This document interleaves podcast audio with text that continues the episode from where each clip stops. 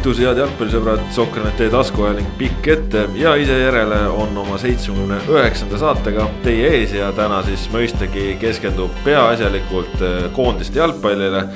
räägime sellest, eh, mida oleme näinud, mida näeme veel tulevikus ees ootamas ja noh, seda ilmselt ei pea väga kuskilt kaugelt ja sügavalt ennustama, see on üpris ilmselge, et eh, täna liiga rõõmsas meeleolus saatemeeskond koondise tulemustest sõltuvalt ei ole, aga muidu on ikkagi ju kena esmaspäev ja sellest sõltuvalt on tuju hea. minu nimi Kaspar Elisser, täna siin meiega Ivar Lepik kaugelt Pärnust kohale tulnud. tere. ja Ott Järvel ka. jah, jätkuvalt endiselt siin, tere. Eesti koondis äh, mängis laupäeval oma kahe tuhande kahekümnenda aasta esimese äh, rahvusvahelise maavõistluse Rahvuste Liiga uus hooaeg avati Gruusialt null-üks kaotus saadi ja kui niimoodi sõnadesse see panna, siis see null-üks, noh, ei tundu ju, et oleks midagi väga hullu olnud, aga. aga kõik, kes seda mängu nägid, sellele kaasa elasid, mõistagi teavad, et see, mida väljakul näha sai, ei ole üldse nii noh, positiivne, kui üldse null-üks kaotus olla saab, sest ega see, see tulemus ju ka eh, kaotuse mõttes väga palju rõõmu ei saa pakkuda, aga. aga see, mis väljakul toimus, oli üpris kole.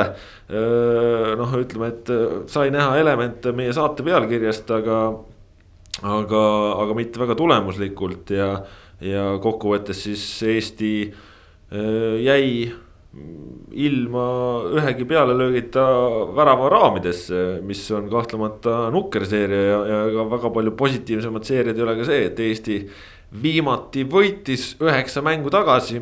see oli eelmise aasta märtsikuus, kui võõrsil Gibraltar maavõistluses alistati. viimati punktide peale mängus äh, võidutses Eesti noh, vaata, et juba kaks aastat tagasi, kaks tuhat kaheksateist novembris võõrsil, kui Kreeka alistati üks-null ja Karel Voolaid, kes äh, mullu suvel siis äh, koondise peatreeneri tooli Martin Reimilt üle võttis, on nüüdseks pidanud äh, Eesti koondise eesotsas seitse mängu, saanud kuus kaotust, ühe viigi. ja Eesti rahvuskoondis on siis selle ajaga löönud omale ühe värava, endale lasknud kuusteist. mis tunne on, Ivar? Mis tunne on äh, praegu olla Eesti jalgpallikoondise toetaja, sest noh, ütleme, et ikkagi sünni poolest eestlane, siis äh, seda võib sulle tiitliks panna küll. ei ole hea tunne, nagu sa tegelikult ütlesid, see null-üks äh, paberil või noh, ütleme tagantjärele ajaloos, kui me kahe aasta pärast vaatame, siis see null-üks võib-olla ei tundugi nii halb, aga kui seda mängu ennast meenutada, siis noh, seda mängu ei olnud, et oleks siis olnud vähemalt pikk ette ise järele, aga meil oli ainult pikk ette ja ega sinna järele keegi ei läinud ka. et, et äh, kohati nagu tundus, et nagu kas me ei tahagi üldse rünnata ja selles mõttes. et kui meenutada eelmist Rahvuste Liiga väljasõit kahe tuhande kaheksateistkümnenda aasta sügisel, seal ju Eesti alustas kolme null-üks kaotusega Ungarile kodus null, ei, Kreekale kodus null-üks, siis Soomele võõrsil null-üks ja siis äh, kodus Soomele null-üks Need mängud olid ka null-üks, aga need olid, need kõik kolm mängu olid nagu ütleme neis noh, oluliselt nagu paremad kui see, mida me nägime praegu Gruusia vastu. et, et seal noh, seal võis tõesti öelda, et mõnel puhul oli Eestil natukene õnne vähe eh,. aga, aga vähemalt mängiti alati ise vastu korralikult, aga jah, nüüd laupäeval oli see, et, et seda, seda enda vastumängu nagu Gruusiale jäi ikkagi väga napiks, et, et tõsi noh, kui, kui nüüd proovida leida midagigi head, siis noh, see, et kaitses ei põlenud, on ju, noh, et selles mõttes kaitsetöö oli tegelikult ju suures plaanis noh, täitsa okei okay,, normaalne. aga, aga, aga jah, enda ründemäng oli väga puudulik. jah, selles mõttes, kui vaadata ka meie toimetuse hindeid, siis äh, mina olin, olin seal kõige optimistlikum vist isegi. et, et selles mõttes, ega ma nüüd ka kellelegi üle kuue ei andnud aga, aga üleüldiselt ju ega meil keegi nüüd ka lati alt nagu vähemalt kaitsefaasis läbi ei läinud, et näiteks Joonas Tamme puhul ma arvan, see oli üks tema viimase parimaid koondise mänge. välja arvatud see värava episood, jah, et seal ta eks-, seal ta, seal oli tema mees, kes selle ära lõi, aga muidu tõesti, Tamm tegi hea mängu, ausalt. Äh, noh, Tõnistele pole nagu mitte midagi ette heita äh, Järvelaiul oli noh. no Järvelaiul ikka võib ette heita jah. tema õnnetuseks oli ta vastasena, oli tema vastaseks platsi parim mängija nojah, aga ütleme, koondise tasemel seal selles mõttes pole vahet, et äh, keegi peabki neid paremaid mängijaid ka takistama ja kui sellega jääd ikkagi hätta, siis noh, jääd hätta. ja, ja jäi hätta esimesel poolel väga selgelt on ju. ja noh, Karol Mets alustas küll selle totaalse ämbriga äh,. jah, pärast seda enam nagu selliseid eksimusi ei olnud, oli palliga mängus esimesel poolel mitmel puhul nagu noh, väga meeldivaid sööte leidis ettepoole. Aga jah, et Eesti koondis mängis minu meelest nagu hästi selle kohtumise jooksul ainult kümme minutit. see oli kaheksas kuni kaheksateistkümnes minut. kaheksandal minutil läks Eesti esimest korda rünnakule niimoodi, et noh, suut-, suudeti pall Gruusia väljaku poolele pidama saada ja, ja seda seal hoiti. sealt teeniti siis esimene nurgalöök. Äh, õige varsti tuli teine nurgalöök ja sellele järgnes veel kuus-seitse minutit normaalset, täiesti nagu korralikku jalgpalli. aga siis pärast seda enam midagi sellist ei suudetud see jah, kuidas äh, Eesti noh, ütleme, et mängu alguses isegi nendeks esimesteks minutiteks nii-öelda trammi alla jäi, see oli, ma pean tunnistama, üllatuslik, me teame, et äh, grusiinid on suured, tugevad, äh, nägime seda kõike, et nad on tehnilised, nägime seda ka. aga ütleme, see mäng ei meenutanud Gruusia ja Eesti maavõistlust, siin tundus nagu oleks olnud kohal Hispaania. klassivahe oli ilmne ja, ja Eesti oma siis ütleme noh, väga tagasihoidliku pressinguga esimesel poolajal noh, ikkagi lõikas iseendale vist selles mõttes näppu ja jalga, et äh, enesekindlus jäi kuskile sinna mängu algusesse, kaotati see kohe ära. ja, ja tegelikult ega seda mängu jooksul nagu tagasi ei saadudki, et kui siin enne mängu räägiti ka, et tuleks proovida grusiinidelt palli valdamisega tuju ära võtta, siis noh me olime ikkagi söötude järjest leidmisega ikka suurtes raskustes, et noh. nagu Karel Voolaid ise ütles, et üks, kaks, kolm söötu tuli ja, ja siis eksimus, et sellist noh. enesekindlust oli vähe, palliga mängu kindlust oli vähe, noh, oli nagu rabedust ja noh mingi nurga alt küll ju, et Eesti mehed seal jooksid ja võitlesid, aga noh, ma ei tea. minus on vahepeal see äng on mõne päevaga natukene lahtunud, aga kui ma nüüd selle kõik tagasi mõtlen, siis ta hakkab vaikselt tagasi tulema, et see mäng oli ikkagi nagu ülisuur pettumus ja ma olen Eesti jalgpallis tervikuna väga pettunud, väga pettunud olen. aga siinkohal tahakski küsida, et nagu mida me siis ootasime, et me võime rääkida küll, et tahame Gruusialt palli valdamisega tuju ära võtta, aga no reaalsus on minu arust eh, ikkagi üheksakümmend protsenti mängudest see, et ega me ei suudagi anda üle kolme täpse söödu et nagu mida me tahame, kas me tahame tulemust või me tahame mängida jalgpalli. me üritame hetkel mängida jalgpalli enamasti. noh, ega ei taha ka ju keegi näha, et me seisame seal värava ees umbkaitses nagu aasta oleks üheksakümmend üheksa on ju, aga natukene vahepeal tulemuse mõttes tuleb teatud asju teha. ja et kui me mõtleme nüüd seda, et, et kuivõrd äh, avatult Eesti koondis mängida saab, kuivõrd avatult mängimist Eesti saab endale lubada, ilma et äh, hakkaks taga põlema, siis ju äh, peatreener Voolaid ka vist kas ta vist ütles pärast mängu vist ütleski seda, et noh, et ega väga palju rohkem avatumalt me mängida ei saa, sellega ma olen nõus. et see, see balanss üldiselt, kuivõrd avatult Eesti saab mängida, äh, see oli tegelikult üpriski nagu paigas, aga lihtsalt see, et, et, et noh, selle ütleme kaitse-ründemängu tasakaalu vahel siis, et, et see ründemäng ka toimiks, peab õnnestumiste protsent äh, rünnakul olema oluliselt suurem. ehk et just nimelt kõik need lihtsad sööduvead noh, neid ei tohi lihtsalt olla, neid no, no ei tohi niimoodi, et pall out'i söödetakse.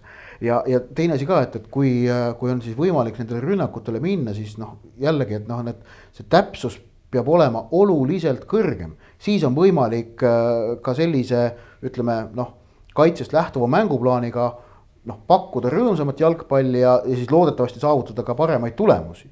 aga lihtsalt jah, lõpuks taandub minu meelest nagu see, see, see noh, ma olen ka mõelnud, et mis, kuidas nagu noh, seda lihtsalt selgitada, mis nagu mure oli. oli see, et, et ründemängus puudus täpsus, igasugune täpsus. no isegi kui, kui. ma mingi... ei räägi löögi täpsusest, vaid noh noh, puhtalt äh, täpsus yeah. kõige väiksemates elementides. no ma, ma ütleks isegi siin ju noh, mingitel hetkedel oli, oli näha, et Eesti ründe eesmärk oli leida siis äh, tagant püstsööduga äärele.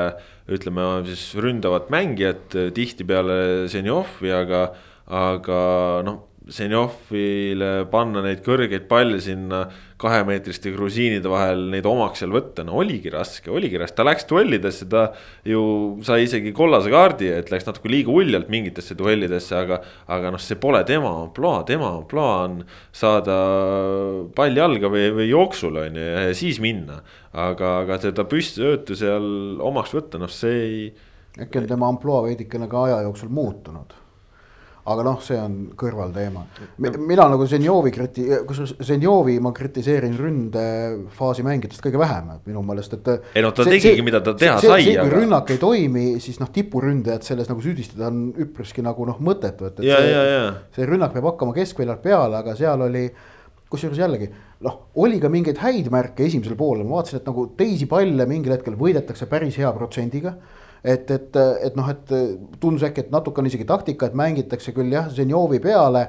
et sellega seotakse Gruusia kaitsjaid ära, et siis noh, plaan on pigem võita teine pall kui esimene, mis on noh, teatud olukordades täitsa nagu noh, normaalne valik või, või plaan, mida minna.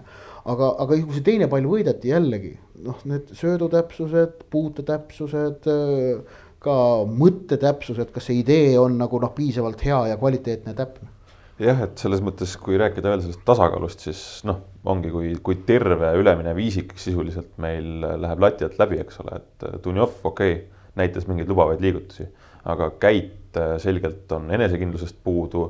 Kostja tegi võib-olla üldse oma halvima koondise mängu nende saja kahekümne hulgas. Äh, Ojamaa minu arust on teinud äkki viimase viie aasta jooksul kaks-kolm head koondise mängu. ja noh, Zenjov, pall lihtsalt ei jõudnud sinna no ma, ma ütleks äh, siin äh, noh, näiteks Käidi kohta sedasi, et tegelikult ju Käit tegi selles mõttes äh, mängu ilma suuremate eksimusteta. aga, aga ütleme, see koht äh, see roll, kus tema oli, tema pidi seda palli sealt liigutama, liinide vahelt üles tooma. aga, aga seal, seal ei nagu sellest ambitsioonikusest ei puudu, et. aga samas, kas talle need äh, variandid, mis talle ülevalpool pakuti, nii talle kui ka, kui ka Kreidale, kas need olid aus piisavad? aus küsimus jah ei, ei pruukinud no, olla. et noh, et samas on ka see, et kui sul ikkagi seda noh, täitsa nagu, kui sul ütleme sellist korralikku sööduvarianti ettepoole ei ole, sa peadki tahapoole mängima, vastupidi, oleks nagu vastutustundetu teha jällegi. ehk et nüüd jällegi küsimus, et kas seal eespool avaneti piisavalt, kas need plaanid olid piisavalt paika pandud no seda see... siin, siin nagu no ja siis, ja siis, kui lõpuks me jõuame selle individuaalse kvaliteedi juurde, siis tegelikult jah, see määrabki, et kui nagu. kas on nagu, kas on nagu mängijatel seda kvaliteeti keset seda äh, Äh, rahvuskoondise mängu, kus su vastas on objektiivselt võttes tugevamatest klubidest mängijad. et kas sul on endal seda kvaliteeti, noh, siis on see siis ütleme nii jõud, tehnika kui ka, kui ka see jalgpalli mõtlemine. kvaliteet nendes kolmes asjas nagu väljendub, et teha neid liikumisi, kuhu on võimalik seda palli üles viia, noh. no siin jah, tegelikult ju ütleme, et meie Otiga olime staadionil äh, laupäeval ja, ja selles mõttes noh, muidugi vaadata koondist äh, haudvaikuses on äh, kahtlemata veider ja, ja väga nagu sihuke vale kogemus, aga, aga mis Selle oli siis. võib veel öelda, et noh, UEFA on ikkagi noh, tegelikult UEFA solvab jalgpalli tervet mõistust sellega, et nad publikut oma mängudel ei luba praegu. nojah, aga, aga ühesõnaga selle siis ainus plusspool oli see, et oli väga hästi kuulda milline oli dialoog äh, vahetusmängijatel, vahetusmängijatel, kes istusid siis tribüüni peal, oli ka kuulda treeneri juhiseid ja nii edasi ja. ja tegelikult äh, sealt tuli ka mängu ajal ja jooksul väga palju seda, et, äh, et võistkond, et miks te seisate miks te ei liigu, miks te ei paku, et selline staatilisus just ütleme, et rünnaku poolel oli ikkagi selgelt näha ja ja noh, võib-olla see liig tagasihoidlik press mingil hetkel, noh muidugi jaa, ega lähed hurraaga kõrgelt äh, suruma ja siis on ka taga on liinid tühjad ja oleks võinud sealt väga valusalt tulla ja noh. selles mõttes oligi väga veider mäng, et ühest küljest nagu Karl Jakobein äh, nagu väga rasket tööpäeva ei saanud äh, debütandina. teisest küljest, kui nagu hakata mõtlema, et mitu varianti oli grusiinidel see pall sinna ristnurka keerutada ja nad keerutasid seal napilt mööda, et siis oleks võinud ka väga hullemaks see päev minna. nojah, jah, noh, kauglöögid, ma neid kauglööke ei loeks niivõrd nagu ikkagi sellisteks potentsiaalseteks ohuallikateks, et noh, et, et kui, kui noh. jah, ma, ma, ma seda, seda poolt ma nagu väga ei kritiseeriks ausalt. Hein tegi muidugi hea partii, seda tuleb öelda. Hein tegi ka. mulle ikka väga meeldis see tema tegutsemine selles neljanda minuti episoodis, kus ta kus ta seda sundis seda ühte grusiini, kes palli, kes metsa sellest ämbrist palli endale sai ja tuli. sundis ühe korra löö, mitte peale lööma ja viivitama ja siis oli veel niivõrd kiire ise maas olles, et sundis ka teist korda mitte peale lööma ja mängima söödu. siis Tamm jõudis blokeerima. aga noh, natukene ta ennast veel ühel hetkel olukorrast välja mängis, aga noh, õnneks läks kõik hästi Tamm äh, oli kangelane tolles hetkes ja noh, Hein seal noh. Ja seal ta ei mänginud ennast välja mitte mingilgi moel. ta kattis seda palliga mängijat ja sundis teda viivitama pealelöögiga.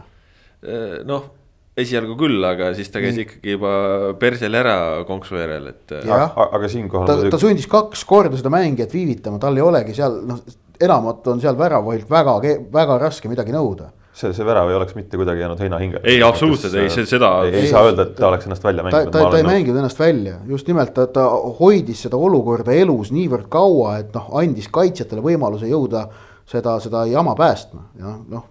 Tammelt hea plokk, väga, väga hea kohavalik ja aga, aga, räägime siis natukene sellest koosseisust. kolm debütanti oma võimalused said, Hein, nagu mainisime, väravasuul. noh, jah, kindel esitus, Eesti parim esitus, Järvelaid vasakkaitses. ütleks, et mitte väga hea esitus ja, ja Dunov paremal äärel, keskpärane esitlus, et äh, Hein äh, selles mõttes näitas, et hoolimata oma kaheksateistkümnest eluaastast. seda rahulikkust on temas ikkagi väga palju ja, ja niivõrd kvaliteetset jalaga mängu, kus ka surve alla jäädes äh, ta laseb neljakümne viie meetrise söödu äärel oma mängijale, no seda oli ikka lust vaadata jah. see on hea vundament, äh, millelt ehitada järgmiseks viieteistkümneks aastaks koondis lõpuks ometi on meil väravat, kes oskab jalaga mängida et noh, selles mõttes noh, on näha, Hein on ju sellest ju rääkinud ise ka väga kõvasti on ta selle elemendi kallal vaeva näinud, kui tal siin vahepeal need käevigastused olid, siis ju eriti pühendas ka siin Eestis olles Mart Poomiga selle jalaga mängu arendamisele, sest see on nii oluline ja, ja nüüd nägime, kui hea see võib olla ja see Hein selles mõttes ikkagi läbinisti ütleme siis julgustav äh, partii ja, ja seda kogenematust äh, selles mängus nagu silma ei paistnud, et värava olukorras ei oleks tal midagi olnud teha. Äh, poleks seal mitte ühelgi teisel väravahel midagi teha olnud, et selles mõttes nii tugevat debüüti oli ikkagi harukordselt rõõmustav näha. jah see oli hea mäng, noh, mis see, no see, see, seda nagu kõik on öelnud pärast yeah. mängu ja, ja nii see lihtsalt oligi, et see oli, see oli noh, selle päeva üks väheseid helgeid noote. Dunjov jah, mina ütleksin jah, korralik etteaste, ei midagi tohutult säravat, aga väga noh, et kui, kui debütant mängib koha välja niimoodi, et küsimusi selles osas mitte mingeid ei teki, siis on see ju ja, ja see debüüt on valikmängus on ju, siis see kahtlemata on ka väga julgustav märk nüüd on huvitav näha, et kas me, kas, kas teda proovitakse ka muudel positsioonidel.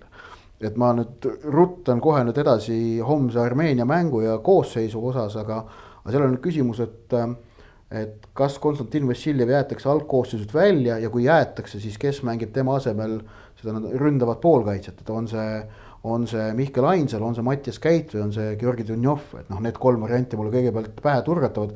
põhimõtteliselt ilmselt võib rääkida ka Mark-Oliver Roosnupust, kes on Levadias aeg-ajalt midagi säärast mänginud, aga pigem ma seda võimalust pean väga väikeseks. et, et, et noh, Dunjovi puhul tuleb rõhutada jah, ka seda mitme, mitmekülgsust, mis tal on, et praegu nägime teda ühel positsioonil, aga, aga neid positsioone on tal ju veel. ja, ja noh, see parem äär ju ei ole ühestki küljest tema primaarne positsioon, et ta on keskpoolkaitsja ründava suunitlusega keskpoolkaitsja, kes ideaalis ja ütleme, Spalli akadeemias ka mängis ikkagi väga palju sihukest number kümmet ja. ja on ta ka seda koondistes mänginud, Spallis nüüd seeria A-s ekseldas ta seal vasakul äärel tükati mingitel hetkedel käis korraks ka paremal, aga, aga nüüd pandi koondiseski paremale ja selles mõttes noh seal oli seda potentsiaali, kasvõi see rebitud senderdus, mis oleks seal peaaegu oma väravast lükatud ja nii edasi, et, et seal oli seda, et tulla sisse. noh, ja, ja mingitel hetkedel ta ka oli väga kindel seal palliga, aga noh. ma jällegi ütleks, et tema natuuris võib-olla see nagu parem äärepoolik ei ole nagu see koht, kus tal võiks väga suur tulevik või eh, midagi taolist ees seista, et noh, ta on noore mängija kohta küllaltki aeglane, et ta ei ole nagu väga särtsakas oma liikumiselt, et noh, ääre peal tänasel päeval võib-olla natukene võiks olla särtsakam, aga noh, selles mõttes.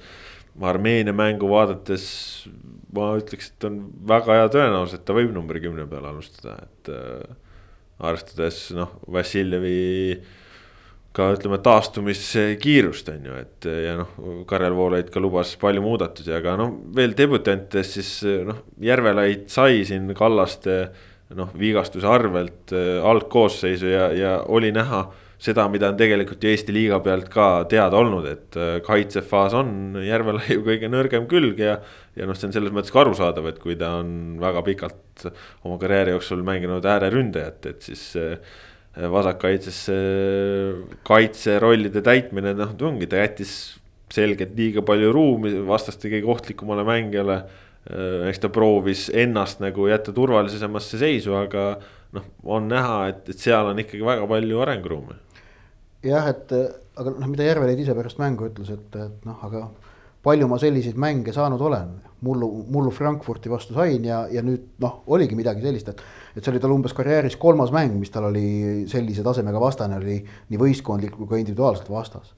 ehk et äh, signaalid, ma võtaks Järvele debüüdi kokku niimoodi, et äh, et selge on see, et kui, kui Ken Kallaste oleks olnud nagu sada prossa, siis oleks Kallaste alustanud ja Kallaste, kui ta on, kui ta on nagu valmis, siis noh, ta alustab Armeenia vastu, mitte Järvelaid aga Järvelaiu näol on nüüd Kallastele pikale vasakkaitses olemas lihtsalt selline noh, ikkagi korralik, korralik alternatiiv olemas. aga rahvusvaheline tase on nüüd see, et, et, et sinna jõuda, noh, peab juurde panema. ja, ja noh, see on nagu, ma usun, et Järvelaid ise saab sellest samamoodi aru ja et noh, ütleme, ta ei ole ilmselt ainukene, kes seda saab aru, et juurde on vaja panna ja noh, isegi võib öelda, et vist kõvasti on vaja juurde panna. et noh, Vlassi Sinjavski homme Armeenia vastu ilmselt alustab eks näis, mis, mis nagu tema signaal sealt tuleb, aga, aga ma arvan, et, et kõikidel premium-liiga meestel, kes siis on praegu või on just siit ära läinud, et noh et, et selleks, et rahvusvahelisele tasemele jõuda, et noh, juurde on vaja panna kõvasti. seda küll, samas siin ütleme sellest rahvusvahelisest tasemest oli ju, oli ju tegelikult äh, juttu ka mängu järel, Konstantin Vassiljev ütles, et Eesti liiga pealt on väga keeruline tulla ja, ja mulle tundub, et võib-olla see mõte isegi võttis laiema fookuse, et noh, me justkui olemegi Eestist ja me olemegi koduliigast ja siit ongi raske, aga kui me vaatame koosseisu Hein Inglismaalt, Tõniste Norrast, Tamm Ukrainast, Mets siis Rootsist, Järvelaid Taanist värskelt, noh, Kreida koduliigast, Vassiljev koduliigast, Käits Sloveeniast Dunjov Itaaliast, äh, Ojamaa Poolast, Zenjov Kasahstanist, et selles mõttes seda niimoodi vaadates meil seda rahvusvahelist oskust oleks võinud olla, ometigi. no jaa, aga noh, me räägime seal Poola esiliigast, Itaalia esiliigast.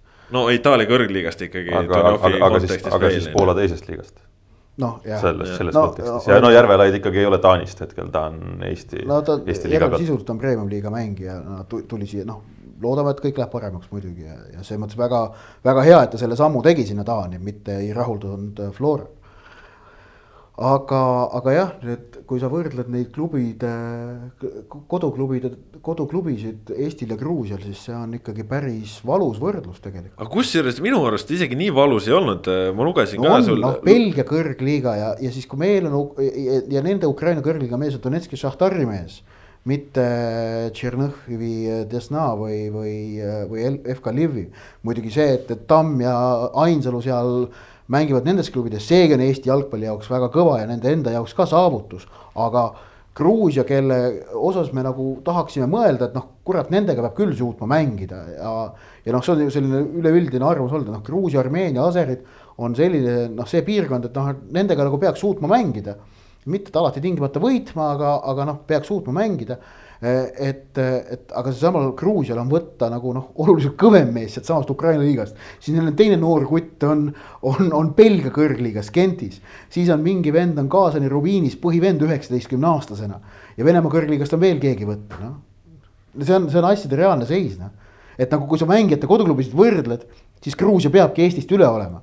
ja seis homse Armeenia mängu ajal on üpriski sama paraku. no selles mõttes Eesti jalgpalli üldsuses äh, fännide poole pealt on väga palju ja isegi tulnud siin kriitikat Karel Voolaidi aadressil siis äh, ütleme nii nagu tema eelistab, aga, aga no siin mingi nurga alt vaadates, et kas, kas on vahet, kes on Eesti treener, kui mängijad on nagu nad on.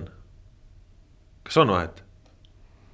Ei no tähendab, alati on vahet, et kes on peatreener, sest igal peatreeneril on omad eelistused ja valikud on ju, noh ja see on, see on nagu asjade nagu loomulik käik, aga tähendab, kui sa küsid nüüd seda, et kas nagu on võimalik midagi kiirelt parandada, siis lühikene vastus minu meelest on, et eriti mitte et, et, et noh, ei ole nagu näha kuskilt, et oleks tulemas mingi hüppeline kvaliteet mängijate individuaalsetes oskustes. et, et aga, aga asi, mida on võimalik parandada ja mis oli puudu mängus Gruusiaga, on see võistkondlik kvaliteet. Ehk et noh, see on ju see, millega Eesti on ka varem suutnud noh, oma neid ilusamaid episoode serveerida ja tekitada ja ja, ja sellega nagu vastaseid kimbutada, aga noh, see oli, oli kahjuks ka praegu kehvapoolne, et ma siin valmistasin ette seda noh, Eesti-Armeenia seda retrospektiivlugu ja vaatasin siis üheksakümne üheksanda aasta äh, protokolli, kus Eesti võitis Armeeniat Pärnus kaks-null maavõistluses. siis vaatasin, et mis mängud seal nagu sellele eelnesid järgnesid, järgnesid sellele mängud äh, Fääri saartel, kus võideti kaks-null. Reimi ja Piiroja väravad, kes mäletab ja siis sellele järgnes kodus null-null viik Šotimaaga üheksakümne üheksandal aastal siis. ja see mäng on mul meeles, et, et noh, tolles mängus mõelge nüüd, oli nagu eestlastel siis individuaalse kvaliteedi poolest nagu Šotimaale, kes oli üheksakümnendatel veel hoopis kõvem asi. see sats, see Šotimaa oli mänginud aasta varem MM-finaalturniiril äh,. avamängu Brasiiliaga ja küll kaotanud, aga üldse mitte halvasti minu meelest, üks-kaks või midagi sellist vist äh,. et äh, et no oli siis Eestil midagi Šotimaale vastu panna, ei olnud ju, aga no mul on väga hästi see mäng meeles, mida ma ise Kadriorus vaatamas olin seal nagu võistkondliku kvaliteediga pandi see šotlaste teed kinni ja võeti sisu ära. jah, Poom tegi väravas paar supertõrjet ja, ja Raio tegi oma ühe esimese vägeva koondise mängu, noh, millele tuli järgneva viieteist aasta jooksul veel hunniku, hunniku kaupa neid juurde. aga kokkuvõttes oli see võistkondlik kvaliteet toona, millega see Šotimaa käest see null-null noh, vägisi ära võeti no.. aga seda, seda asja praegu ma ei näe, et see nagu võistkond, kuidas öelda oh.. no ma saan, ma saan aru, mida sa mõtled, sest nagu Eesti trump ongi olnud pikalt, ega ka ju kaks tuhat üksteist, kui me play-off'i väärel ära käisime, et Eesti trump oli ühtne löögirusikas, aga. noh, ma ei tahaks seda küll sellega siduda, aga minu arust pärast Raio Piire lõpetamist on kuidagi nagu Eestis selline ühtseks löögirusikaks olemine on kuidagi nagu nõrgemaks jäänud või kuidagi me oleme nagu. meil ei ole enam seda, et Eesti me paneme igal juhul lõpuni ja me kõvasti pingutame, nüüd väljak on nagu liidritest tühjaks jäänud. jah, ja sa ütled, et Raio Piire lõpetamine, kui ma õigesti mäletan, oli kaks tuhat kolmteist ju, on ju, kui ta oma viimased yeah. koondise mängud tegi, see oli see Hollandiga ja siis selle järgis veel mäng Türgiga, kus tal see viimane krõps käis. see mäng Hollandiga oli viimane kord, kui Eesti koondis mängus, kus olid siis ütleme, mängiti punktide peale, suutis pärast null-üks kaotusseisu jäämist punkti võtta või punkt, noh, ei jäänud, ei jäänud nullile.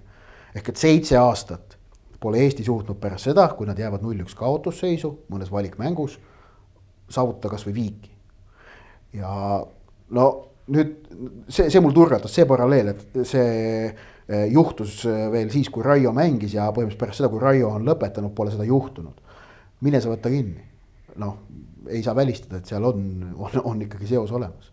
ja see nagu, see on kõnekas fakt paraku noh, et mitte ükski kord ei ole see õnnestunud, noh. kui esimene lüüakse, on perses. no ja praegu on ju veel suurem probleem on see, et ega Eesti ei löögi Eesti ei löögi väravaid. ei, ma mõtlen seda, et kui no, esimene lüüakse meile on. ma tean, noh ongi, aga, aga noh, me praegu see läheb ainult hullemaks, sest nagu varem Eesti suutis ka niimoodi kaotada, et mingi värav löödi, aga, aga praegu me ei löö väravaid. me ei löö väravaid. me ei löö standarditest, me ei löö lahtisest mängust, mitte kuskilt. mitte kuskilt, see on päris nukker. kaks tuhat kolmteist oli hea aeg, meil oli veel hea selgroog, Pareiko lõpetas, Piiroja lõpetas Kostja oli parimates aastates ja okei okay,, kaks tuhat kolmteist ooper enam ei olnud seal vanameistrina ees, aga noh, põhimõtteliselt ta ka enam-vähem sinna ajastusse veel ulatus välja. nüüd meil on ainult Kostja. oli, ole, oli olemas veel Aleksandr Dmitrijev. jah, jah, kuigi, kuigi, kuigi, kuigi Dmitrijev, ma ütlen seda küll, et Vladislav Kreidat me ei ole täna nüüd podcast'i kordagi puutunud, tema tegi ka minu meelest hea mängu laupäeval ja ütleme niimoodi, et Dmitrijevi asendaja on nüüd olemas ikkagi, et, et Kreida on nagu noh, seda, mis ta eelmine aasta ütles, et tahab olla Eesti parim number kuus, ta on seda. Jah, muidugi tema peab kõvasti juurde panema, aga noh, seal nagu on olemas, sinna rolli on mees olemas. jah, aga kus ma pooleli jäin? äh, kes on ooper, ooper ah,. jah, jah, jah, jah, ühesõnaga nüüd meil on alles sellest äh, selgroost ainult Kostja, kes on vana seitse aastat vanemaks jäänud. kes tuleb Eesti liigast, kust ta ise ütleb, et on raske tulla.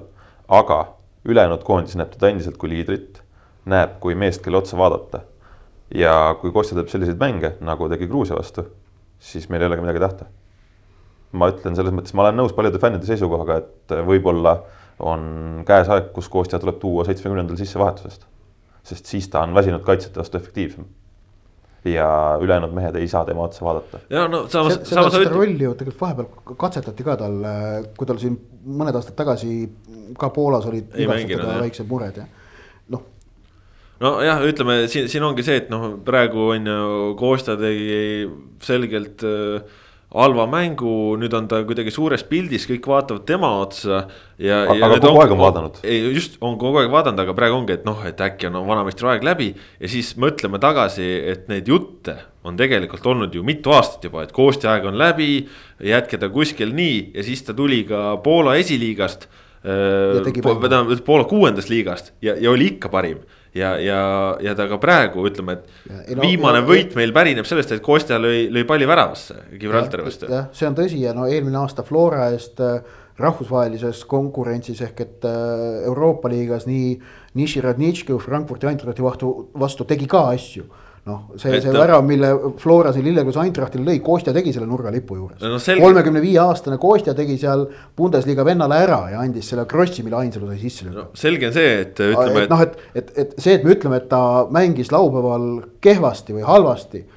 Kostja ise saab sellest ise väga hästi aru, aga et noh, see ei ole nüüd ütleme kriitika üldine Konstantin Vassiljevi äh, suunas, et noh, et. absoluutselt. ja mi- mina, ma, ma arvan ka seda, et, et see ei määra ära nagu üldist, et ütleme, et äh, igal mängijal on kehvasid päevasid ja. ja võib-olla, mis on Kostjal vanuse juurde tulles ongi teinud, et võib-olla tal on raskem äh, seda ühtset stabiilsust kogu aeg hoida, sest tal on ka Eesti liigas väga suur koormus. Ja noh, see on ju teada, et ta mängib kogu aeg ju teibitud reitega ja nii edasi, on ju, et. et ta, et ta proovib hakkama saada ja, ja selles mõttes ütleme, et selle ühe mängu pealt, mis tal läks aia taha, ei tähenda seda, et ta tegelikult võib endiselt olla Eesti koondise kõige ohtlikum vend. sest noh, kui me mõtleme, et, et aga kes see teine siis on, aga kes see teine on? Erik Sorga nüüd öö, lõi Ameerikas MLS-is oma esimese värava, nüüd nädalavahetusel uuesti istus. noh, teda ei ole koondise juures, tema on võib-olla üks lootusekiir, aga, aga kes meil neid asju peaks siis tegema? Mattias Käidist me oleme lootnud väga palju, tal on klubiga on läinud raskesti loodetavasti leiab seda kindlust juurde, aga ütleme, et kui Mattias Käit debüteeris Eesti koondises, siis ta oli oluliselt nahaalsem, oluliselt enesekindlam, ta praegu mängib turvalisemat jalgpalli, sest ta ei taha vigu teha ja ta ei taha vigu teha, sest ta tahab äh, säilitada ja kasvatada enesekindlust, mis on nagu arusaadav. aga, aga kes ja kuidas neid asju peaks tegema? meil ei olegi nagu aga teisest küljest äh, me ka ei saa eeldada, et see inimene või mängija ilmub välja, kui tal ei ole võimalust selleks noh, ehk siis ikkagi noh, see on, see on surnud ring kahtlemata jah, et eh, ega ma ei ütle ka, et me peame Kostja nüüd kohe maha kandma ja välja viskama, et aga, aga noh, fakt on see, et ta on no, ikkagi läheneb oma ka- mängukarjääri lõpule väga selgelt. mine tea, võib-olla ongi viimane aasta. aga, aga noh, et, et noh, kui sa ka vahepeal ütlesid, et oli neid jutte, siis seal oli ka erinevaid eh, ju põhjuseid sellele, et, et noh, Reimi ajastul vahepeal ei olnud number kümne kohta väljakul, mis, mis selgelt eh, Kostja rolli nagu marginaliseeris ja, ja nii edasi, et, et noh, hetkel mulle, mulle nagu tundub, et, et võib-olla noh, me võime muidugi vaadata ka Karel Voodolaidi otsa, et miks Kostja oli kaheksakümmend viis minutit väljakul. et see vahetus oleks pidanud tulema kümme-viisteist minutit varem ja no see, selles on, ma arvan, kõik nagu üpris ühe, ühemeelselt nõus, et. et, et ja Zenjov, Anier vahetus oleks võinud ka olla kümme minutit varem, on ju. aga, aga jah, suuremas plaanis on, on seis see, et, et kas, kas nüüd leidub mängija, kel, kes suudaks pakkuda Vassiljevile selget alternatiivi ja noh, ei, ei ole võimalik leida uut Vassiljevit. tema mängija omadustega uut, uut mängijat kasvatada, see on kord sajandi jooksul juhtub selline asi ehk et see, kes iganes selle ründava poolkaitse rolli koondises üle võtab, eeldusel, et noh, mingeid suuri taktikalisi muudatusi ei tule ja ma arvan, pigem ei tule, siis noh, no see mängija või need mängijad peavad nagu leidma oma viisi, kuidas seda positsiooni mängida.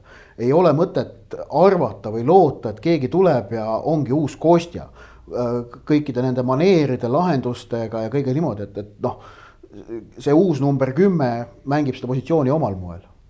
Vassiljevi kopeerimine, see on lootusetu ülesanne, seda ei, noh, seda, seda ei ole võimalik teha no ja, ja noh, samas kui siis see... ongi mõelda, et, et kust ta võiks tulla, kas meil on neid noori, no vaatame, kuidas U kakskümmend üks koondis äh, mängib Poolaga, saab äh, null kuus, kui nüüd arvepidamine vahepeal sassi ei ole läinud ja, ja sinna midagi juurde ei ole tulnud, et noh.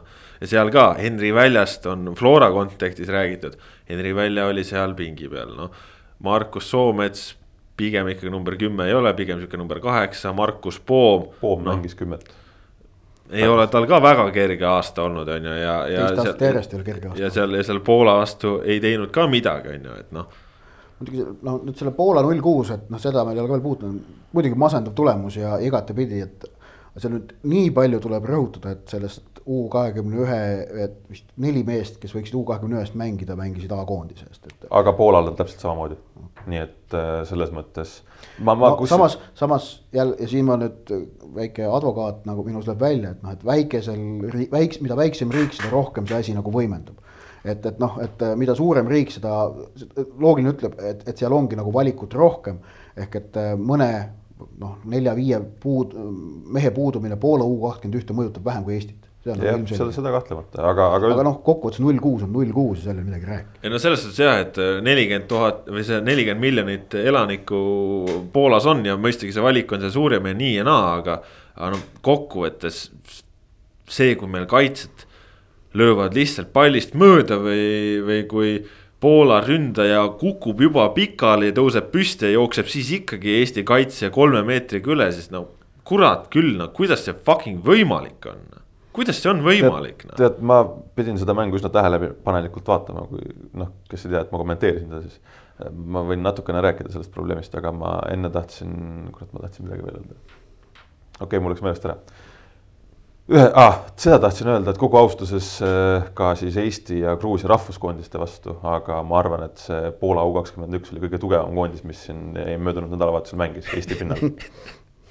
et, et noh, nii palju me võime Eesti U kahekümne ühele nagu au anda. et kurat, seal vaadates noh, mingid mehed läksid just a la kaheksa miljoni eest, kolme miljoni eest, kahe miljoni eest. Need on Eesti jalgpalli mõistes ju üüratud summad, noh, meil on ka kaks-kolm meest läinud kunagi sellise raha eest kuskile. Poolast lähevad kahekümne aastased niimoodi aga. kõnekas me..., kõnekas. absoluutselt no,. Poola on Euroopa top kümme sats praegu, noh, see on nagu teada, on ju, noh, et ja, ja tuleb juurde ja. ja tuleb peale, nad on kaks viimast U kakskümmend üks äh, tsüklit ka finaalturniiri mänginud oma vanuses. kui nimetada need kaks Euroopa koondist, kes ei ole kunagi ühtegi suurturniiri võitnud, aga on hetkel kõige tugevamad, äh, noh lisaks nendele, kes on siis endised Euroopa või maailmameistrid. Äh, ma arvan, need on Poola ja Ukraina. võimalik, aga ühesõnaga ma räägin U kahekümne ühest natukene okei okay., võtame need mehed, kes meil puudu jäid, kõigepealt meil oli okei okay,, väravas Nõmm, okei okay., äh, sealt on Hein puudu, Hein võiks olla, okei okay,, Hein võib-olla on parem. Äh, ründes võiks olla Sorga, võiks olla Lepik, Piht, Tamm, okei okay,, neid kedagi ei olnud arusaadavatel põhjustel, noh, Kass kandis endast parima, okei okay,, ta ei ole isegi ju tegelikult puhas ründaja. selles mõttes okei okay.. on olnud, aga, aga jah, jah.. aga noh, selgelt ta ei ole seal, top viis valik heal juhul võib-olla poolkaitses võiks olla alumine mees Kreida, oli kolmik Soomets, Järviste, Poom, ei ole sellist selgelt lõhkuvat meest, kõik on pigem ikkagi äh, pigem kaheksad, ma ütleksin. aga samas nagu paberi peal ikkagi väga korralikud vennad. väga korralikud jaa, absoluutselt, aga noh, okei okay,, võiks olla Kreida ka. probleem, kuhu me välja jõuame nüüd, on Eesti jalgpallis, äh, mis jõuab nüüd otsapidi ka rahvuskoondisesse, on äärekaitse.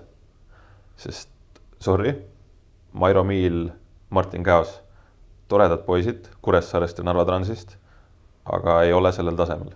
ja meil ei ole äärekaitsjaid, kui me vaatame Liverpooli, kui me vaatame Peep Guardiola satse, äärekaitse on kõige olulisem positsioon hetkel üldse jalgpallis.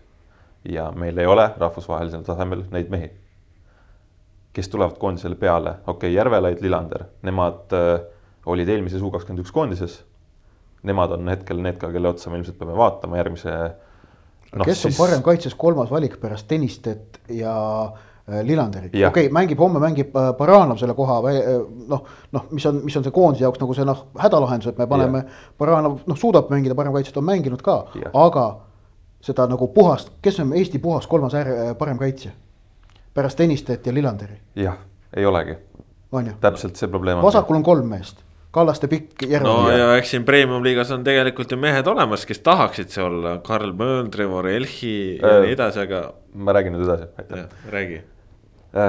jah, ühesõnaga U kakskümmend üks koondises meil kolmas valik on hetkel Mark Edurka, tore mees Premiumi liigast. vaatasin U kakskümmend üks koondiseid tagasi, olid Lillander Järvelaid, enne seda kaks tuhat seitseteist Hispaaniaga mängisime A Le Coqil null-üks kaotasime, oli okei okay mäng. olid Lillander ja Martin Mägi, kes on karjääri lõpetanud. Veel paar aastat varem, kaks tuhat viisteist Hispaaniaga siinsamas A Le Coqil tore mäng, null-kaks kaotasime, aga noh, napilt. olid Kevin Aalo ja Hindrek Ojamaa kumbki neist ei ole jõudnud rahvusvahelisele tasemele. Elhid, Karl Möölid, kõik ülejäänud, nad ei ole enam koondise pildis. Nad võivad tulla, olla see kolmas valik seal, aga nad ei ole rahvusvahelisele tasemele jõudnud. ja me nägime Vilniuse Žalgiris Paide mängus, me nägime, miks Karl Mööl ei ole. nägime ja kui meil on praegu Ken Kallaste, kes on kolmkümmend pluss ja tuli tagasi Eestisse ja meil on Taio Tõniste, kes on kolmkümmend pluss ja küll ta tuleb ka paari aasta kontekstis tagasi või lõpetab ära, siis meil on perses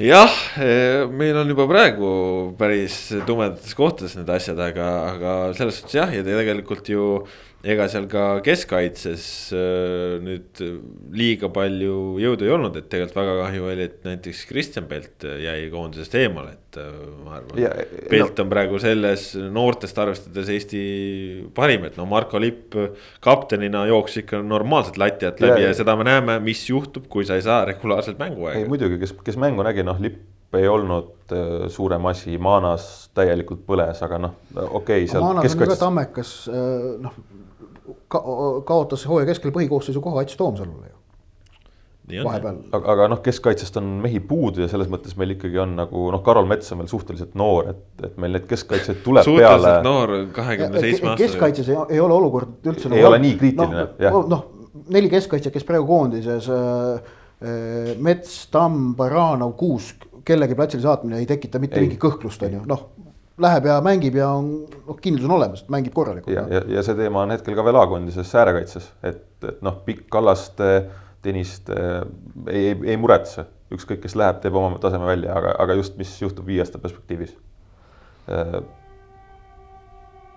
noh, rongid on eriti vihaseks muutunud. jah. Elron tervitab Sokernet e-taskuhäälingu kuulajaid. et, et, et jah, õnneks meil on mingeid noori a la Kristo Hussar Floras, võib-olla Arhipovist tuleb äärekaitsja. ma ei tea, kui Edgar Tur tahab koondisesse murda, siis äärekaitsesse on see positsioon, millele ta peaks spetsialiseeruma. nojah, aga, aga noh, ma ei tea, hakkame vaatama, võib-olla Martin hetkel äkki tuleb ka kunagi, on ju, aga noh, see Jah, on natuke liiga kauge tulevik. no samas viie aasta perspektiivis Vetkal kakskümmend kaks peaks juba mängima A-koondises, kui ta vähegi mängumees on. Jah Need, need kõik on äh, head nimed ja, ja väärt noored, keda sa nimetasid, aga, aga Mingit sa ennem ennem nimetasid ühte meest ka, oli Martin Mägi, kes on praeguseks karjääri lõpetanud. Mingit garantiid ei ole. jah, garantiisid ei ole ja kaod on äh, paraku tavapärased. see ei ole nüüd ja see ei ole mingi Eesti eripära, see on igal pool maailmas niimoodi, et need kaod, kaod tekivadki. kas kellelgi on vigastus, kellelgi lihtsalt kaob huvi, ka see on võimalus olemas ja no selles ei ole midagi nagu noh ebatervet, et see võib, inim-, inimeste noh, prioriteedid muutuvadki. Aga jah, ei selles mõttes, et me jõuame jälle sinna, et, et noh, küsitakse ka, et noh, millal, mult on ka sõbrad küsinud, et noh, et. et noh, ma saan aru, et praegu on halb, aga ütle, et noh, millal siis nagu, millal nagu paremaks läheb ja siis noh, vastus on see, et noh, ei tea. no ei, ei oska niimoodi konkreetselt öelda, et mis ja millal, millal midagi paremaks läheb, et. et praegu neid nagu murekohti on natuke liiga palju noh. no väga palju on, aga miks neid on nii palju? ja, mille arvelt ka peaks minema paremaks, et, et noh, ma eile kirjutasin õhtul ka selle Läti rahvuste liiga äh, viigist Maltaga.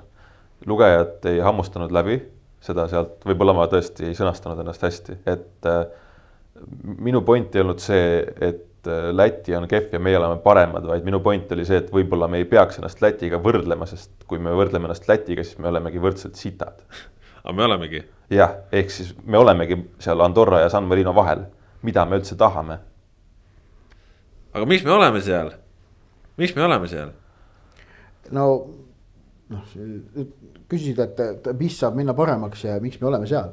ma tulen tagasi selle võistkondliku kvaliteedi juurde, see on ainukene võimalus, millega on võimalik kompenseerida. mida näiteks noh, me oleme vist näinud kahel puhul Fääri saarte võistkonnal, kes suutis mängida kodus üle äh, Malta kolm-kaks. Ja, ja siis Andorra. ja Andorra jah, just võõrsil vist on ju, just, et, et noh, sellised eks, eks noh, Fääride jaoks võit Malta üle on saavutus, on ju, noh. ja ma, ma, Fääri saarte jalgpallurite individuaalne tase, kui sa vaatad nende koduklubisid, ei saa olla teab mis nagu kõrge, aga nende see võistkondlikkus väljendub, see suudetakse kuidagi välja tuua ja maksma panna. et, et ähm, noh, ja ütleme selliseid, eks neid satse ole Euroopas veel, kes on noh, selles mõttes nagu ennast äh, suutnud oma objektiivset taset ületada või, või niimoodi et ja, ja see on nagu jalgpalli sees kogu aeg juhtubki niimoodi, et osad mängivad üle selle, osad alla selle. et, et noh, et no, võime rääkida nendest, kes on nagu noh, pikemat aega alla selle mänginud, näiteks no ilmselt on Bulgaaria ja Rumeenia, noh, kaks äh, tegelikult suurt no korra, mitte ma ei ütle suurt, aga korraliku traditsiooniga jalgpalliriiki, kellel kummalgi pole juba noh, kümmekond aastat mitte ühtegi koondise tasemel õnnestumist ette näidata. noh, see, et Rumeenia kaks tuhat kuusteist EM-il jõudis, ei ole nende jaoks nagu õnnestumine, nad jäid seal alggrupis viimaseks, on ju ka Šotimaa. Jah, ja näiteks ka, ka, ka Šotimaa ilmselt jah, kes on mänginud kogu aeg nagu allapoole seda oma oodatud taset, sellepärast et midagi neil ei ole toiminud, ei ole kuidagi suudetud seda võistkonda kokku sulatada. nüüd see koondise võistkonnaks tegemine, võistkondlikuks tegemine, see ei ole, see on noh, see nõuab treeneritelt, aga ka ilmselt tervelt sellelt jalgpalli kogukonnalt, kes selle koondise taga on.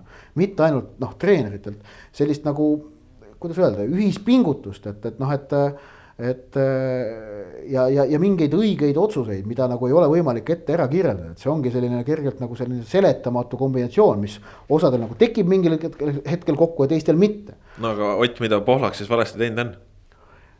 ma ei oska sulle niimoodi siin praegu öelda, ausalt ei oska. Noh.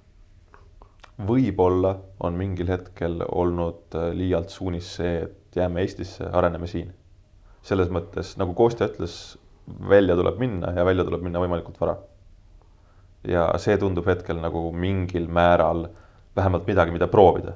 et, et noh, see jutt, et meile Itaalia, ma ei tea, ei sobi, et me oleme liiga põhjamaised ja külmaverelised, no see, see on jama no kui ma vaatasin neid äh, mänge siin nii noh, peamiselt U kakskümmend ühte, siis äh, ja, torkas seal äh, sil-, silma ikkagi see, et tõesti need premium-liiga mängijad, kes seal selle palliga on.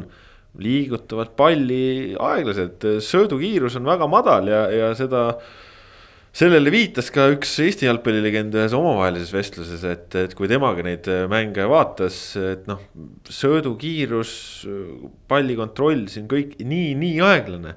ja, ja kui sa nii aeglaselt teed, siis sa noh, tapadki iseennast sinna väljakule ära noh. iseenesest on nagu õige mõte, et ole kodus, noh nagu Poola näitel, et sa oled üheksateist, kakskümmend, siis mine välja. Aga, aga eestlasena on palju lihtsam, mulle tundub välja saada, kui sa oled kuusteist sest akadeemiasse saada on oluliselt lihtsam kui kuskile esindusmeeskonda.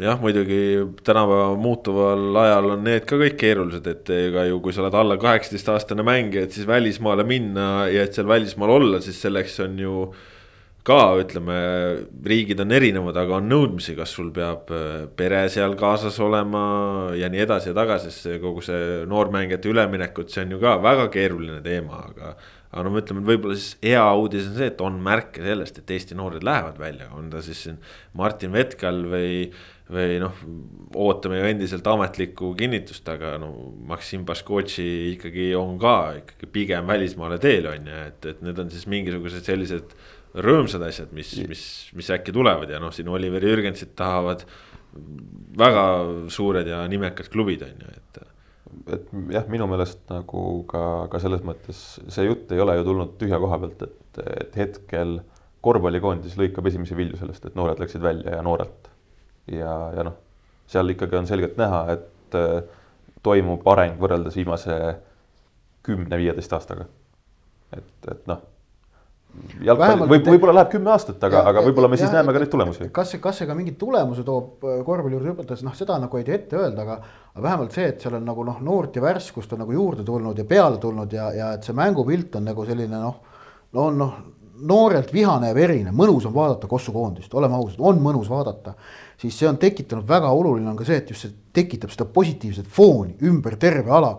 ja see on see, mida Eesti jalgpallil praegu noh, ühestki otsast ei ole ainuke asi, mille üle nagu selline suurem asi, mille üle nagu, mis saab tekitada, tekitab positiivset fooni, on premium-liiga tasavägisus äh, ja äh, suurenenud publiku arv.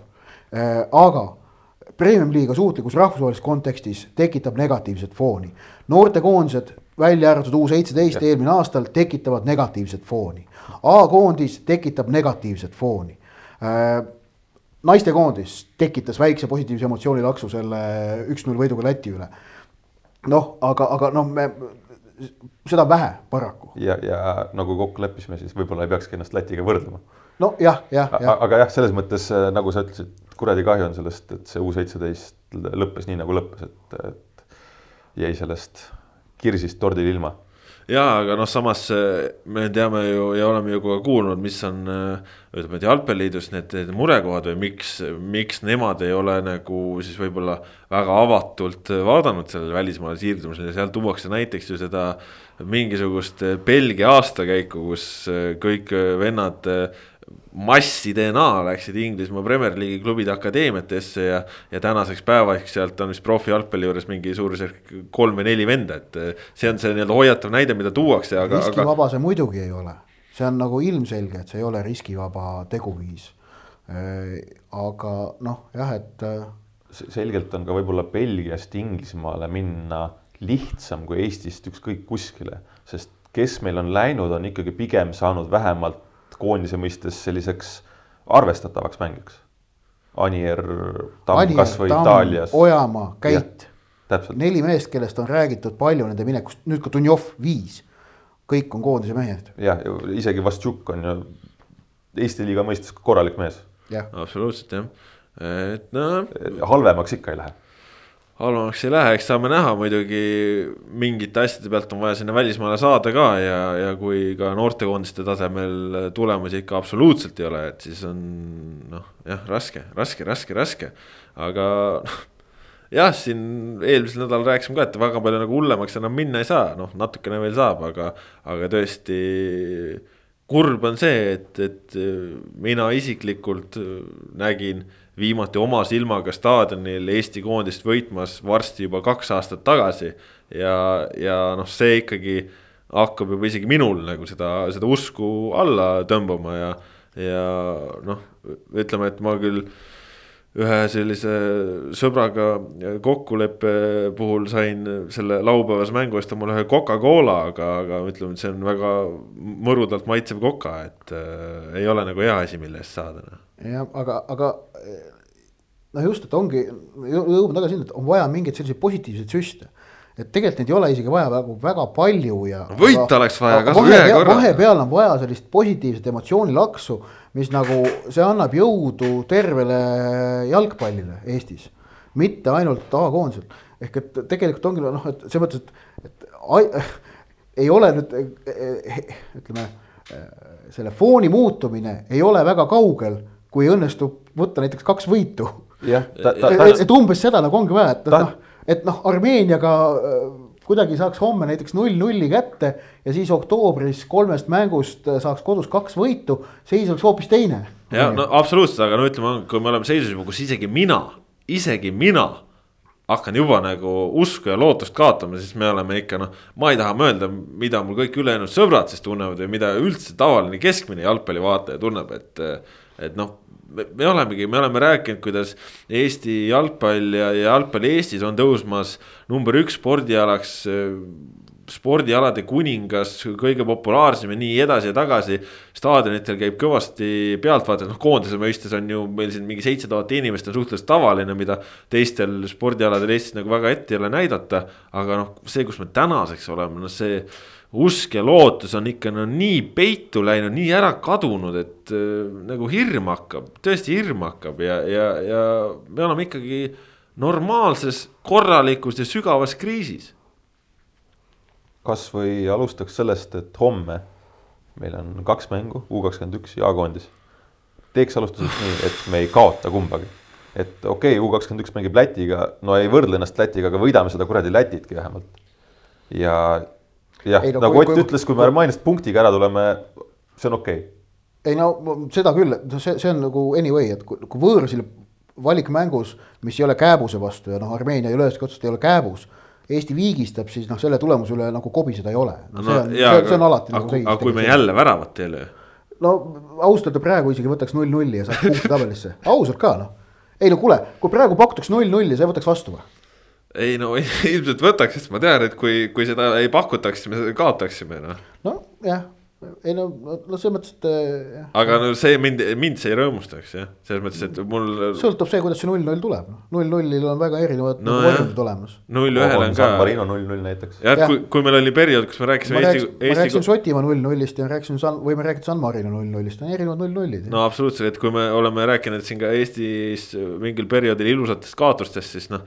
Ilusaid kaotuseid me pole ka tükk aega näinud, me oleme väga koledaid kaotuseid näinud, et selles mõttes see on ikka hu- hull asi, aga homne mäng, siis peatame põgusalt sel teemal ka, Joonas Tamm sõitis Taio Tõniste vigaseks, Tõniste ei, ei sõitnud nüüd Armeeniasse, Tamm ise ka ei sõitnud ja, ja Hendrik Pürg toodi keskkaitsjana juurde, siis päris arusaamatu lüke isegi ütleks või et miks mõnda äärekaitset ei toodud. Aga keda sa tood? aga kas Pürg on mänginud hästi. Pürg on olnud katastroofiliselt halb, ta on Ei. teinud jama, ta on teinud jama, sorry sorry Hendrik, aga, aga sa oled teinud jama, sa tead ise ka seda, et noh. no õnneks, õnneks ta ei pea mängima. kui kõik hästi läheb. no homne algkoosseis on see, et noh, vasakkaitses, tähendab Hein alustab väravas, vasakkaitses, kui Kallaste on mängukõlbulik tema, kui mitte, siis Järvelaid. keskkaitses Mets ja Kuusk, paremkaitses Baranov, see on üsna selge. see on üsna selge, kuigi õhkõrn variant on ka, et Kuusk ja Baranov on mingil hetkel teistpidi. Pigem mitte. pigem mitte. Baranovit mängitati jah, eelmine, eelmine sügis juba arusaadav, jah. paremkaitses, et niipidi. siis Kreida jääb äh, number jääb, kuueks, Ainsalu on põhikoosseisus. Ainsalu, jah, ma arvan, et Ainsalu siis. äh, kas kaheksa või kümme? ja äh, küsimus see, kas Ainsalu mängitatakse Kreida kõrval või ründava poolkaitsjana. võid, Eesti tegelikult on ju Karel Voolaidi käe all mänginud ka ühe kuue ja kahe, kahe kaheksaga. ehk no. siis okei variant. ja nüüd on küsimus see, kas Dunjov liigutatakse keskele või jäetakse äärele, ma arvan, et Dunjov alustab ikka uuesti. aga et kas ta liigutatakse keskele või, või jäetakse äärele, ma noh, et, et seal on nagu küsimus. ja see, sellest siis sõltub, ma arvan, see, kas Mattias Käit alustab või mitte, ma arvan, et Konstantin Vassiljev ei alusta. vasakul äärel alustab Lassi Sinjavski, rünnakul ma arvan, et Rauno Sappinen. ja, aga nüüd on küsimus see, et kui Dunjov liigutatakse keskele äh, koos siis Kreida ja Ainsaluga sinna mängima ja Ilja Antonovit ei panda põhisse kuigi Antonovi põhisse määramise On. kasuks räägib see, et ta võib isegi Kreida ees olla. ei, ta ei ole Kreida ees kindlasti, Kreida on kindlasti sees. et, et seal Antonovi mängitamise kasuks räägib see, et noh, tal on Armeenias väga palju tõestada, et seal on puhtalt selline psühholoogiline faktor. aga ma ütlen, et kui, kui Dunjov tuuakse keskele ja siis tähendab seda, et Antonov ei ole põhis, siis ma arvan, et paremal äärel alustab Frank Liivak. suures plaanis tundubki nagu kaks varianti, et kas, kas toome Dunjovi keskele ja mängime kümnega või on Antonov ja, ja Ainsalu kaheksa peal mõlemad. jah, et kas, kas Need- need keskmine tunduvad kolmik on, kas keskmine kolmik on Kreida, Antonov, Ainsalu või Kreida, Ainsalu, Dunjov? samas, kas on ka põhjust äh, Mattias Käit algkoosseisust välja puksida? tal praegu nagu ei kipu kohta jääma seal. vaata, kust otsast nagu tahad, et noh, et Ainsalu väljajätmine põhikoosseisust ei ole praegu mõistlik, ühestki otsast ei ole, noh, noh. Või siis ko- koosseisu on vaja värskendada, Ainsalul on väga palju, no ilmselgelt tal on tõestamistahet praegu väga palju, andke talle see võimalus tõestada. ja tundub, et ka füüsiline vorm võiks olla suhteliselt hea. no ütleme, see kuus minutit, mis ta mängis Gruusiast, see rohkem hindan jah ta juttu nagu Jaa. treeningute osas. ei, aga noh, see intervjuu, mille Ainsalu mulle andis eelmine nädal on ju, mis osutus nagu ülimalt menukaks. Fenomenaalseks võiks isegi öelda. võime öelda oma lugejanumbrite põhjalt, siis äh, see oli, see oli väga julge intervjuu Ainsalult äh,. aga sellega ta kehtestas ka enda suhtes väga kõrge standardi, väga kõrged ootused, millele ta peab nüüd hakkama väljakul ka vastama. et selles mõttes äh, äh, noh, huvitav äh, on nüüd näha, kas ta suudab selles intervjuus öeldud ka väljakul, mitte nüüd õigustada, aga, aga noh, sellele vastavalt sellele intervjuule väljakul tegutseda. Saab olema huvitav näha, teeme siis äh, väikesed ennustused ka, Ivar, mis teisipäeval äh, Armeenias juhtub? optimistina tahaks ikkagi öelda, et me võidame. aga no ütleme, et üks-üks, see on nagu, ma, ma ei näe, et me tuleksime sealt ära nulliga, aga ehk äh, selle siin Lillekülas aset leidnud ähm, jama taustal leiavad mängijad nüüd natukene ikkagi sellist sisemist põlemist äh, minna ja, ja rünnata ka natukene. Nonii, Ivar ütleb, Eesti lööb värava, Ott. tahtsin ka üks-üks pakkuda, aga nõme oleks kopeerida, ma siis, ma siis täidan selle nagu. kolm-null. ei, kohustusliku rolli ära, et null-kaks kaotus. ma tahtsin ka öelda kaotus, sellepärast ma ütlen ka. sina pead nüüd Eesti võitu pakkuma. ja no ma pakun kogu aeg Eesti võitu ja millal, millal see viimati tuli, sest ma ei. kuidas ma, sellega läheb? ma, ma sellepärast, ma, ma ei paku Eesti võitu, Eesti kaotab selle mängu ja, ja kaotab selgelt ja see on nüüd see ainus lootus, mille põhjal võib Eesti võita selle mängu, sest ma ütlesin, et Eesti kaotab. aga saame näha, noh, tõesti, U kakskümmend üks ka enne mängimas lätlastega ja ega tegelikult öö, on hirmsad ajad Eesti jalgpallis. neli tundi Eesti koondise jalgpalli järjest pange valmis, inimesed. pange valmis, Sohkernetis saate vaadata, kuidas U kakskümmend üks mängib ja siis ETV aitab äh, oma teise kanaliga vist äh, tuua rahvus A-koondise ka teieni, et noh. jah, väga palju halvemaks ei saa minna, samas saab ka, nii et äh, ei tea, saame näha, mis saab, aga, aga rahvuste liiga üleüldiselt on ka ju siin nüüd väldanud ja Eesti ju ka rahvuste liigaga seoses on, on mänginud ja, ja võib-olla kui rahvuste liiga ikkagi veel endiselt uue ja värske turniirina meil siin jalgpallikaardil on, siis üks asi, mida rahvuste liiga on toonud, on toonud väga võrdsed, noh, mitte küll siis ma ei mõtle Eesti mängu, aga, aga tulemuste mõttes väga võrdsed vastasseisud, vähe väravaid, pingelised lahingud no,. Eesti mäng oli ka selles mõttes, viimase minutini oli põnev, oli ja. üleval õhus, et võimalus, et see mäng lõpeb noh viisiga. tõsi, tõsi, tõsi ta on aga Rahvuste Liiga siis selles mõttes ikkagi on õigustanud ennast või?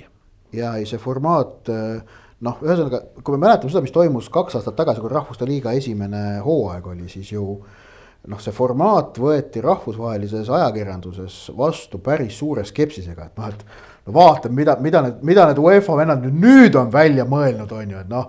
nagu me teame, Fifast, UEFA-st ainult lollusi tehaksegi, et noh, et no nüüd on nüüd sellise asja välja mõelnud. tulemus see kaks tuhat kaheksateist sügis koondise jalgpall üle Euroopa sai noh, tohutult palju positiivset tähelepanu ja, ja see rahvuste liiga formaat oli röögatult edukas, sest ta, ta oli pingeline. ta tekitas võistlusmomendi ja, ja sellest nagu võeti kinni ja seal oli palju võrdseid kohtumisi. ja pluss oli veel see, et, et siis nagu selles A-divisjonis mängisid suured omavahel ja seda oli äge vaadata. Äh, Saksamaa jäi alagrupis viimaseks ja langes A-divisjonist välja. see oli midagi sellist, et vau wow,, mis noh, selline võistlus ongi või noh, ja see tekitas seda vaimustust. E, ja selle vaimustusele tõmbas natukene kriipsu peale see, et nad otsustasid asjad ümber jagada, ehk siis Saksamaa ei langenud välja. jah, just, et, et, et see A-divisjoni laiendamine ja B-divisjoni laiendamine, et see võtab sealt ju seda pinget natukene vähemaks. see oli minu meelest nõme, sest just see nii-öelda mudaliiga, kuhu ka meie oleksime pidanud kukkuma selleks sügiseks, äh, vähendamine vist seitsme riigi peale, et noh, see, see on ju nali aga samas nagu ma ütleks, et teistpidi, et see, et enne olid mingid üleval olid mingid kolmesed alagrupid ja mujal olid neljased, see oli nagu ka imelik. ma ütleks, et pigem on normaalne, et, et struktuur üleval on selge ja all on siis need pädinad, kes, kes jäävadki üle, nii nagu põhjus, Eestis näiteks madalamad liigad. põhjus, miks seda muudeti, oli ju see, et äh, noh, tippriigid ise avaldasid soovi, et nad ei taha neid sõprusmängu kuupäevi enam sest ennem, ennem oli see, et kolmene alagrupp võimaldas seda, et oli igaühel oli sügise jooksul kuuest mängupäevast neli olid valikmäng või see rahvuste liiga mäng ja kaks tükki maavõistlused. aga tippriigid ütlesid, et me ei taha, me tahamegi ainult võistlusmänge ja sellepärast tehti need noh, alagrupid igal pool nagu neljaliikmeliseks. et see on nüüd lihtsalt, see, see oli nagu põhjus, aga no ühesõnaga ongi, aga nagu sa Kaspar ütlesid ka, et me oleme praegu näinud noh peaaegu eranditult tasavägiseid tulemusi, see Hispaania-Ukraina eilne neli-null oli esimene mäng, mis oli nagu selgelt ühepoolne, on ju muidu on nagu noh, ikkagi noh, ühe-kaheväravalised võidud, viigid on ju. no ja Hispaania mängud võivad küll ühepoolsed. nojah, on ju, et, et ja, ja ma no noh, ütleme ja, ja jällegi me näeme kuidas, kui ma vaatan seda rahvusvahelist meediapilti, et, et see koondise jalgpall saab tänu sellele rahvuste liigale praegu palju positiivset tähelepanu. ja noh, selgelt on näha, et seda koondise jalgpalli on igatsetud. jah äh,, aga ma küsiksin selle nurga alt, et äh, kas me pikemas plaanis ütleme viiekümne aasta perspektiivis ei, ei muretse selle pärast, et tekivad väga suured tasemevahed. ehk siis, kui valiksarjas sul oli ikkagi noh, mängust mängu olid erineva tasemega vastased, siis hetkel ütleme, Armeenia mängib Eestiga, mängib Gruusiaga, mängib Põhja-Makedooniaga ja siis läheb mängima Itaaliaga, nagu eelmisel sügisel juhtus, siis nad said üks-üheksa seal. ka, ka Eesti näitel noh, okei okay,, ütleme, aeg läheb edasi, koondised muutuvad, aga, aga kas me reaalselt äh, tunnetame seda niimoodi, et näiteks äh, a la Hollandi vastu kaks tuhat kolmteist me suutsime mängida, kaks-kaks viigi välja püüda, noh, eelmisel sügisel ei olnud mängu nägugi. et, et kas tekib nagu kas, kas see, kui Fääri saared ja Malta mängivad omavahel aastast aastasse, kas see arendab neid edasi?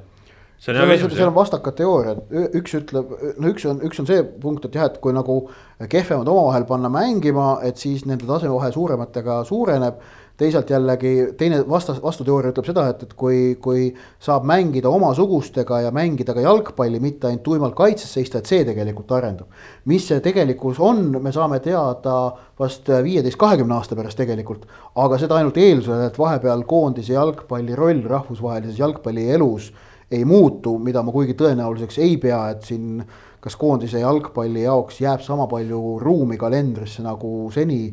See on teatavasti on see ruum kogu aeg löögi all, et noh, see viis koondise akent per aasta pluss finaalturniir üle kahe aasta tagant on niigi viimane piir, mida klubid on veel võimalik, nõus öö, koondise jalgpallile andma. kas see niimoodi ka jääb, ei tea. no tegelikult ju praegu ka rahvuste liiga puhul ikkagi väikesed märgid klubi jalgpalli võidust on olnud, sest klubi jalgpalli hooajad just on siin lõppenud, just on uuesti algamas ja tegelikult praegusest rahvusvahelisest aknast jäi ju väga mitmeid tippmängijaid eemal, sest nad ei ole saanud puhata, nad on olnud. ütleme, kes siin meistrite liigas lõpuni läksid, Noierid, asjad ja, ja nii edasi. aga, aga seda, see, see on, see on erand, see on erandolukord, see kõik on koroonast tingitud, ma seda ei, ei hindaks äh, nüüd äh,, see ei ole otseselt seotud.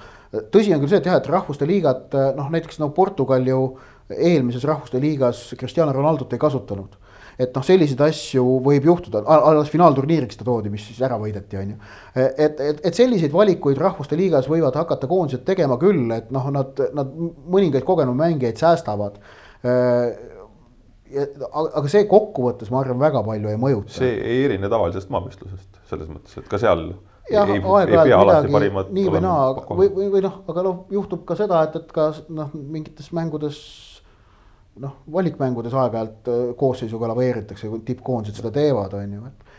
et äh, see ühe, mõne mängija puudumine, see, ma arvan, ei ole oluline, et, et tähtis on see, aga, aga hea on just see, et, et rahvuste liigad nagu kõik nagu väärtustavad praegu, et nagu keegi ei suhtu sellesse ikkagi ükskõikselt. Äh, ja see on nagu tähtis jah, saame näha siis ka, kuidas teisipäeval Eesti koondisel ikkagi Rahvuste Liigas läheb. aga saate lõppu veel põgusalt üks teema veel ja, ja sellest tuleb rääkida, Nõmme Kalju.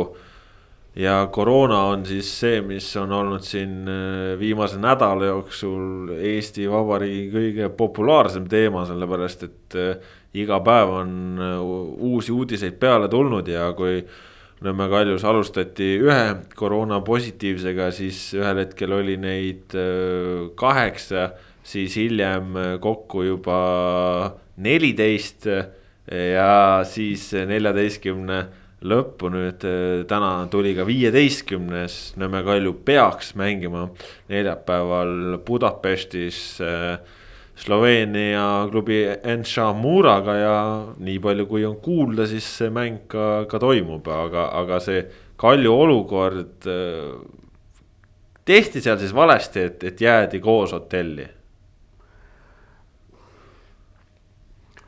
kas meil on olemas täpne teadmine, kuidas täpselt Kaljus käituti pärast seda, kui äh, seda kahekümne teisel augustil pärast mängu Viljandi tulevikuga selgus, et, et ühel mängijal oli olnud noh, kokkupuude koroona positiivsega.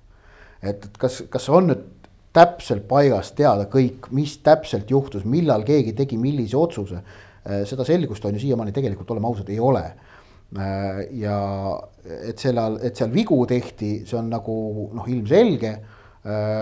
kas neid vigu tehti äh, nagu noh äh, pahatahtlikult, ma ei usu. kindlasti mitte. just et aga kas oleks saanud teha midagi teisiti, kindlasti oleks saanud, lihtsalt nüüd tuleb elada nende tagajärgedega, mis on. Kuno Tehva on täna noh, erinevates intervjuudes öelnud, et, et igal juhul nad lähevad ja vaatavad, mis satsi kokku saavad ja, ja lähevad sellega seda mängu mängima on avaldanud arvamust, et mine tea, äkki Muural noh, äkki Muurat võib tabada mingi sama saatus ja, ja neil ka hunnik mängijaid testitakse äkki positiivseks, jäävad kõrvale. noh, ei tea, on ju, äkki äh,, äkki mitte äh,, aga noh, ma arvan, fookus peab nüüd Nõmme Kaljul olema sellele, et nad äh, ennast äh, premium-liiga jaoks taas nagu äh, kuidas öelda, noh, sa-, saaksid satsi uuesti nagu kokku ja mingil hetkel saaksid jätkata võistlustega Eesti, Eesti kõrgliigas, sest et noh see, et Euroopa liigas noh, kui seal õnnestub, kui, kui, kui, kui õnnestub neil see Muure vastu tulemus seal saavutada neljapäeval, see oleks nagu totaalne ime, oleme ausad, selle peale nagu noh no,, sellele keskendumine ei tundu praegu mõistlik. võistkond pole treeninud ja, ja võistkonnas on äh, esindus, äh, esindusvõistkonna liikmeid, kes ei ole haigestunud, on noh, siin. seitse-kaheksa noh, isegi oled vist natuke optimistlik, arvestad sinna sisse ka mõned mängijad, kes tavaliselt väga palju minuteid Just. ei teeni, et no Aga... ühe käe sõrmed on, on see, on see maht, kus on Nõmme Kaljul terveid esindusvõistkonna kõige mängijaid. positiivsem tulemus Kaljule neljapäeval on pluss-miinus Lo. lootuses, et äh, Mura on audis.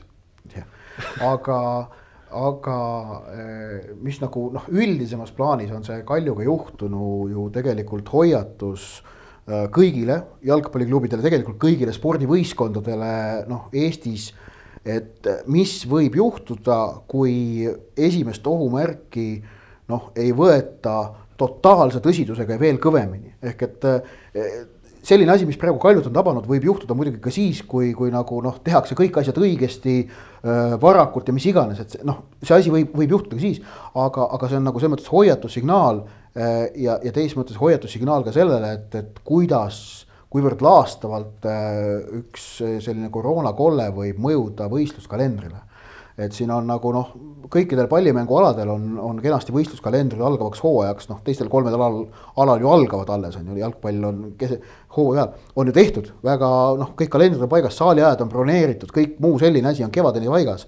aga siin piisab ühest sellisest äh, sädemest ja kõik see süsteem lendab totaalselt uppi kui palju on üldse teistel aladel äh, räägitud sellest äh, testimisest ja, ja tead sa, mis plaanid seal on? sest kui, arvan... kui ei testita, siis ei ole ka positiivseid. jah äh,, ainukene võistkond, kes kindlasti peab hakkama testima, on, on ju Kalev Cramo, sest nemad hakkavad sõitma Venemaa vahet ühisliiga mängudele. ma ei ole küll kuulnud, et võrkpallis või käsipallis oleks plaan noh, teha näiteks selline laustestimine, mis nüüd ootab tervet premium-liigat ees, ennem kui koondise pausilt naastakse, kõik premium-liiga satsid lähevad testimisele et jah, see on äh, jah, nagu Kuno Tehva on mitmel puhul viidanud, et äh, ka just, just selle nurga alt, et, et me ju tõesti ei tea, et Nõmme Kalju mängijad ja, ja ka see üks taustapersonali liige, kes äh, positiivse testi on andnud, et nad tunnevad ennast hästi, kellelgi haigussümptomeid ei ole. et jah, mis siis, mis siis üldse ühiskonnas võib toimuda, kui, kui see olukord nii on, aga see on jälle ka, ka näide sellest, et, et ütleme klubid said väga palju targemaks, et äh, mõtled küll, et noh oled seal hotellis koos ja, ja hoiad gruppi ühtsena, et vähemalt on muust maailmast eraldatud ja, ja hea ongi. et tegelikult nad on vähemalt teistest eraldatud olnud, aga, aga nüüd on ikkagi väga selge näide ka, et peab üksteisest eraldatud olema, nii kui see koroona positiivne on, see esimene oli. ja alguses öeldi küll, et, et ta oli kohe võistkonna juurest eraldatud, aga noh, selgus, et ta oli veel poolteist päeva, on ju. klubiga samas hotellis, et noh nüüd me siis teame, et nii kui midagigi on, kasvõi on kahtlus, tuleb kohe kõik nii eraldi panna, kui on ja, ja las nad siis puutuvadki kokku ainult seal värskes õhus treeningul. nii nagu ütleme, et kui, kui siit viirusest tagasi tuldi ju alguses ka treeningutel oli, et, et sa siseruumides äh, minimeerid lihtsalt kokkupuuted ära, aga noh, see, kui sa oledki seal hotellis ninapidi koos, noh, okei okay saame aru, et, et oled näiteks kaheses toas ja nii edasi, mis iganes. Aga noh, võib-olla siis lihtsalt ongi, et sa ei peaks õhtuti koos kaarte mängima, noh.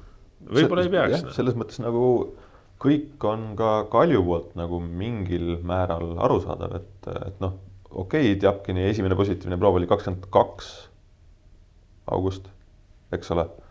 ja, ja siis euromänguni jäi sealt äh, viis päeva mis tähendab seda, et viiruse peiteaeg on umbes sama. Sa loodad muidugi seda, et äh, keegi ei, teine ei nakatunud ja läheb asi normaalselt edasi. ehk siis, aga tegelikult sa ei saagi enne teada, kui alles äh, võib-olla mängupäeval. ja noh, aga, aga ilmselgelt sa tahad mänguks valmistuda parimal võimalikul moel. ehk siis see tähendab treeninguid, koosolekuid, nii edasi. noh, läks halvasti jah, okei okay,, läks, aga, aga siin kedagi nagu süüdistada või noh, jah, täpselt, et oleks saanud teha paremini, aga tehti parimates kavatsustes, ma arvan jah, kahtlemata, igatahes selge on see, et äh, Nõmme Kalju kavatseb ja soovib minna äh, Ungarisse ja, ja selge on see, et nad lähevad sinna väga-väga pooliku ja üpris noore koosseisuga. kuidas neil seal läheb, väga raske on ennustada, aga kui nad lähevad kohale ja noh, ütleme näiteks, et nad peaksid kaotama. siis see kaotus on juba parem kui, kui see, kui mängu ei toimuks, ehk siis koefitsiendi punkt äh, ikkagi tuleb küll pool punkti, mis jagatakse veel neljaga, aga, aga, aga vähemalt see asi ka veel seal selles algmasenduses, vaata, ma rääkisin, lugesin neid asju, mis nagu halvasti on, siis jah, see UEFA koefitsiendi tabel ka veel jah. oh jah. Läheb tõenäoliselt niimoodi, et mängitakse üheksakümmend minutit jalgpalli. jah. ja siis jah siis jah, ühesõnaga me ei tea, kuhu me omadega jõuame, me ei tea, kus me täpselt teel oleme, me loodame, et ühel hetkel äh, paistab päike ka meie peade kohal, kas see ka nii juhtub, ei tea, igatahes kui see teisipäevane mäng nüüd koondisel ka aia taha läheb, kui nüüd see eurohooaeg, mis ka ühel hetkel jätkub, ka veel aia taha läheb, siis me oleme ikkagi nii rämeda supi sees, et midagi peab hakkama muutuma, midagi peab tegema teisiti. muidugi jalgpallis kiireid lahendusi ei ole aga väga palju madalamale ja, ja sügavamale ei tahaks enam ka kukkuda, kuskil on piir. me oleme mänginud ja näidanud, et me suudame jalgpalli mängida, palun näitame seda uuesti. on kopp ees kaotamisest, tahaks võita, teeme nii, et nii ka juhtuks. selline oli seitsmekümne üheksas pikk ette ise järele. tänase saate teid teen Kaspar Elisser, Ivar Lepik, Ott Järvela. kuulake meid jälle, püsige Sokkerneti lainel kõik oluline jalgpallist ikka meie juures saadaval. püsige terved, adjöö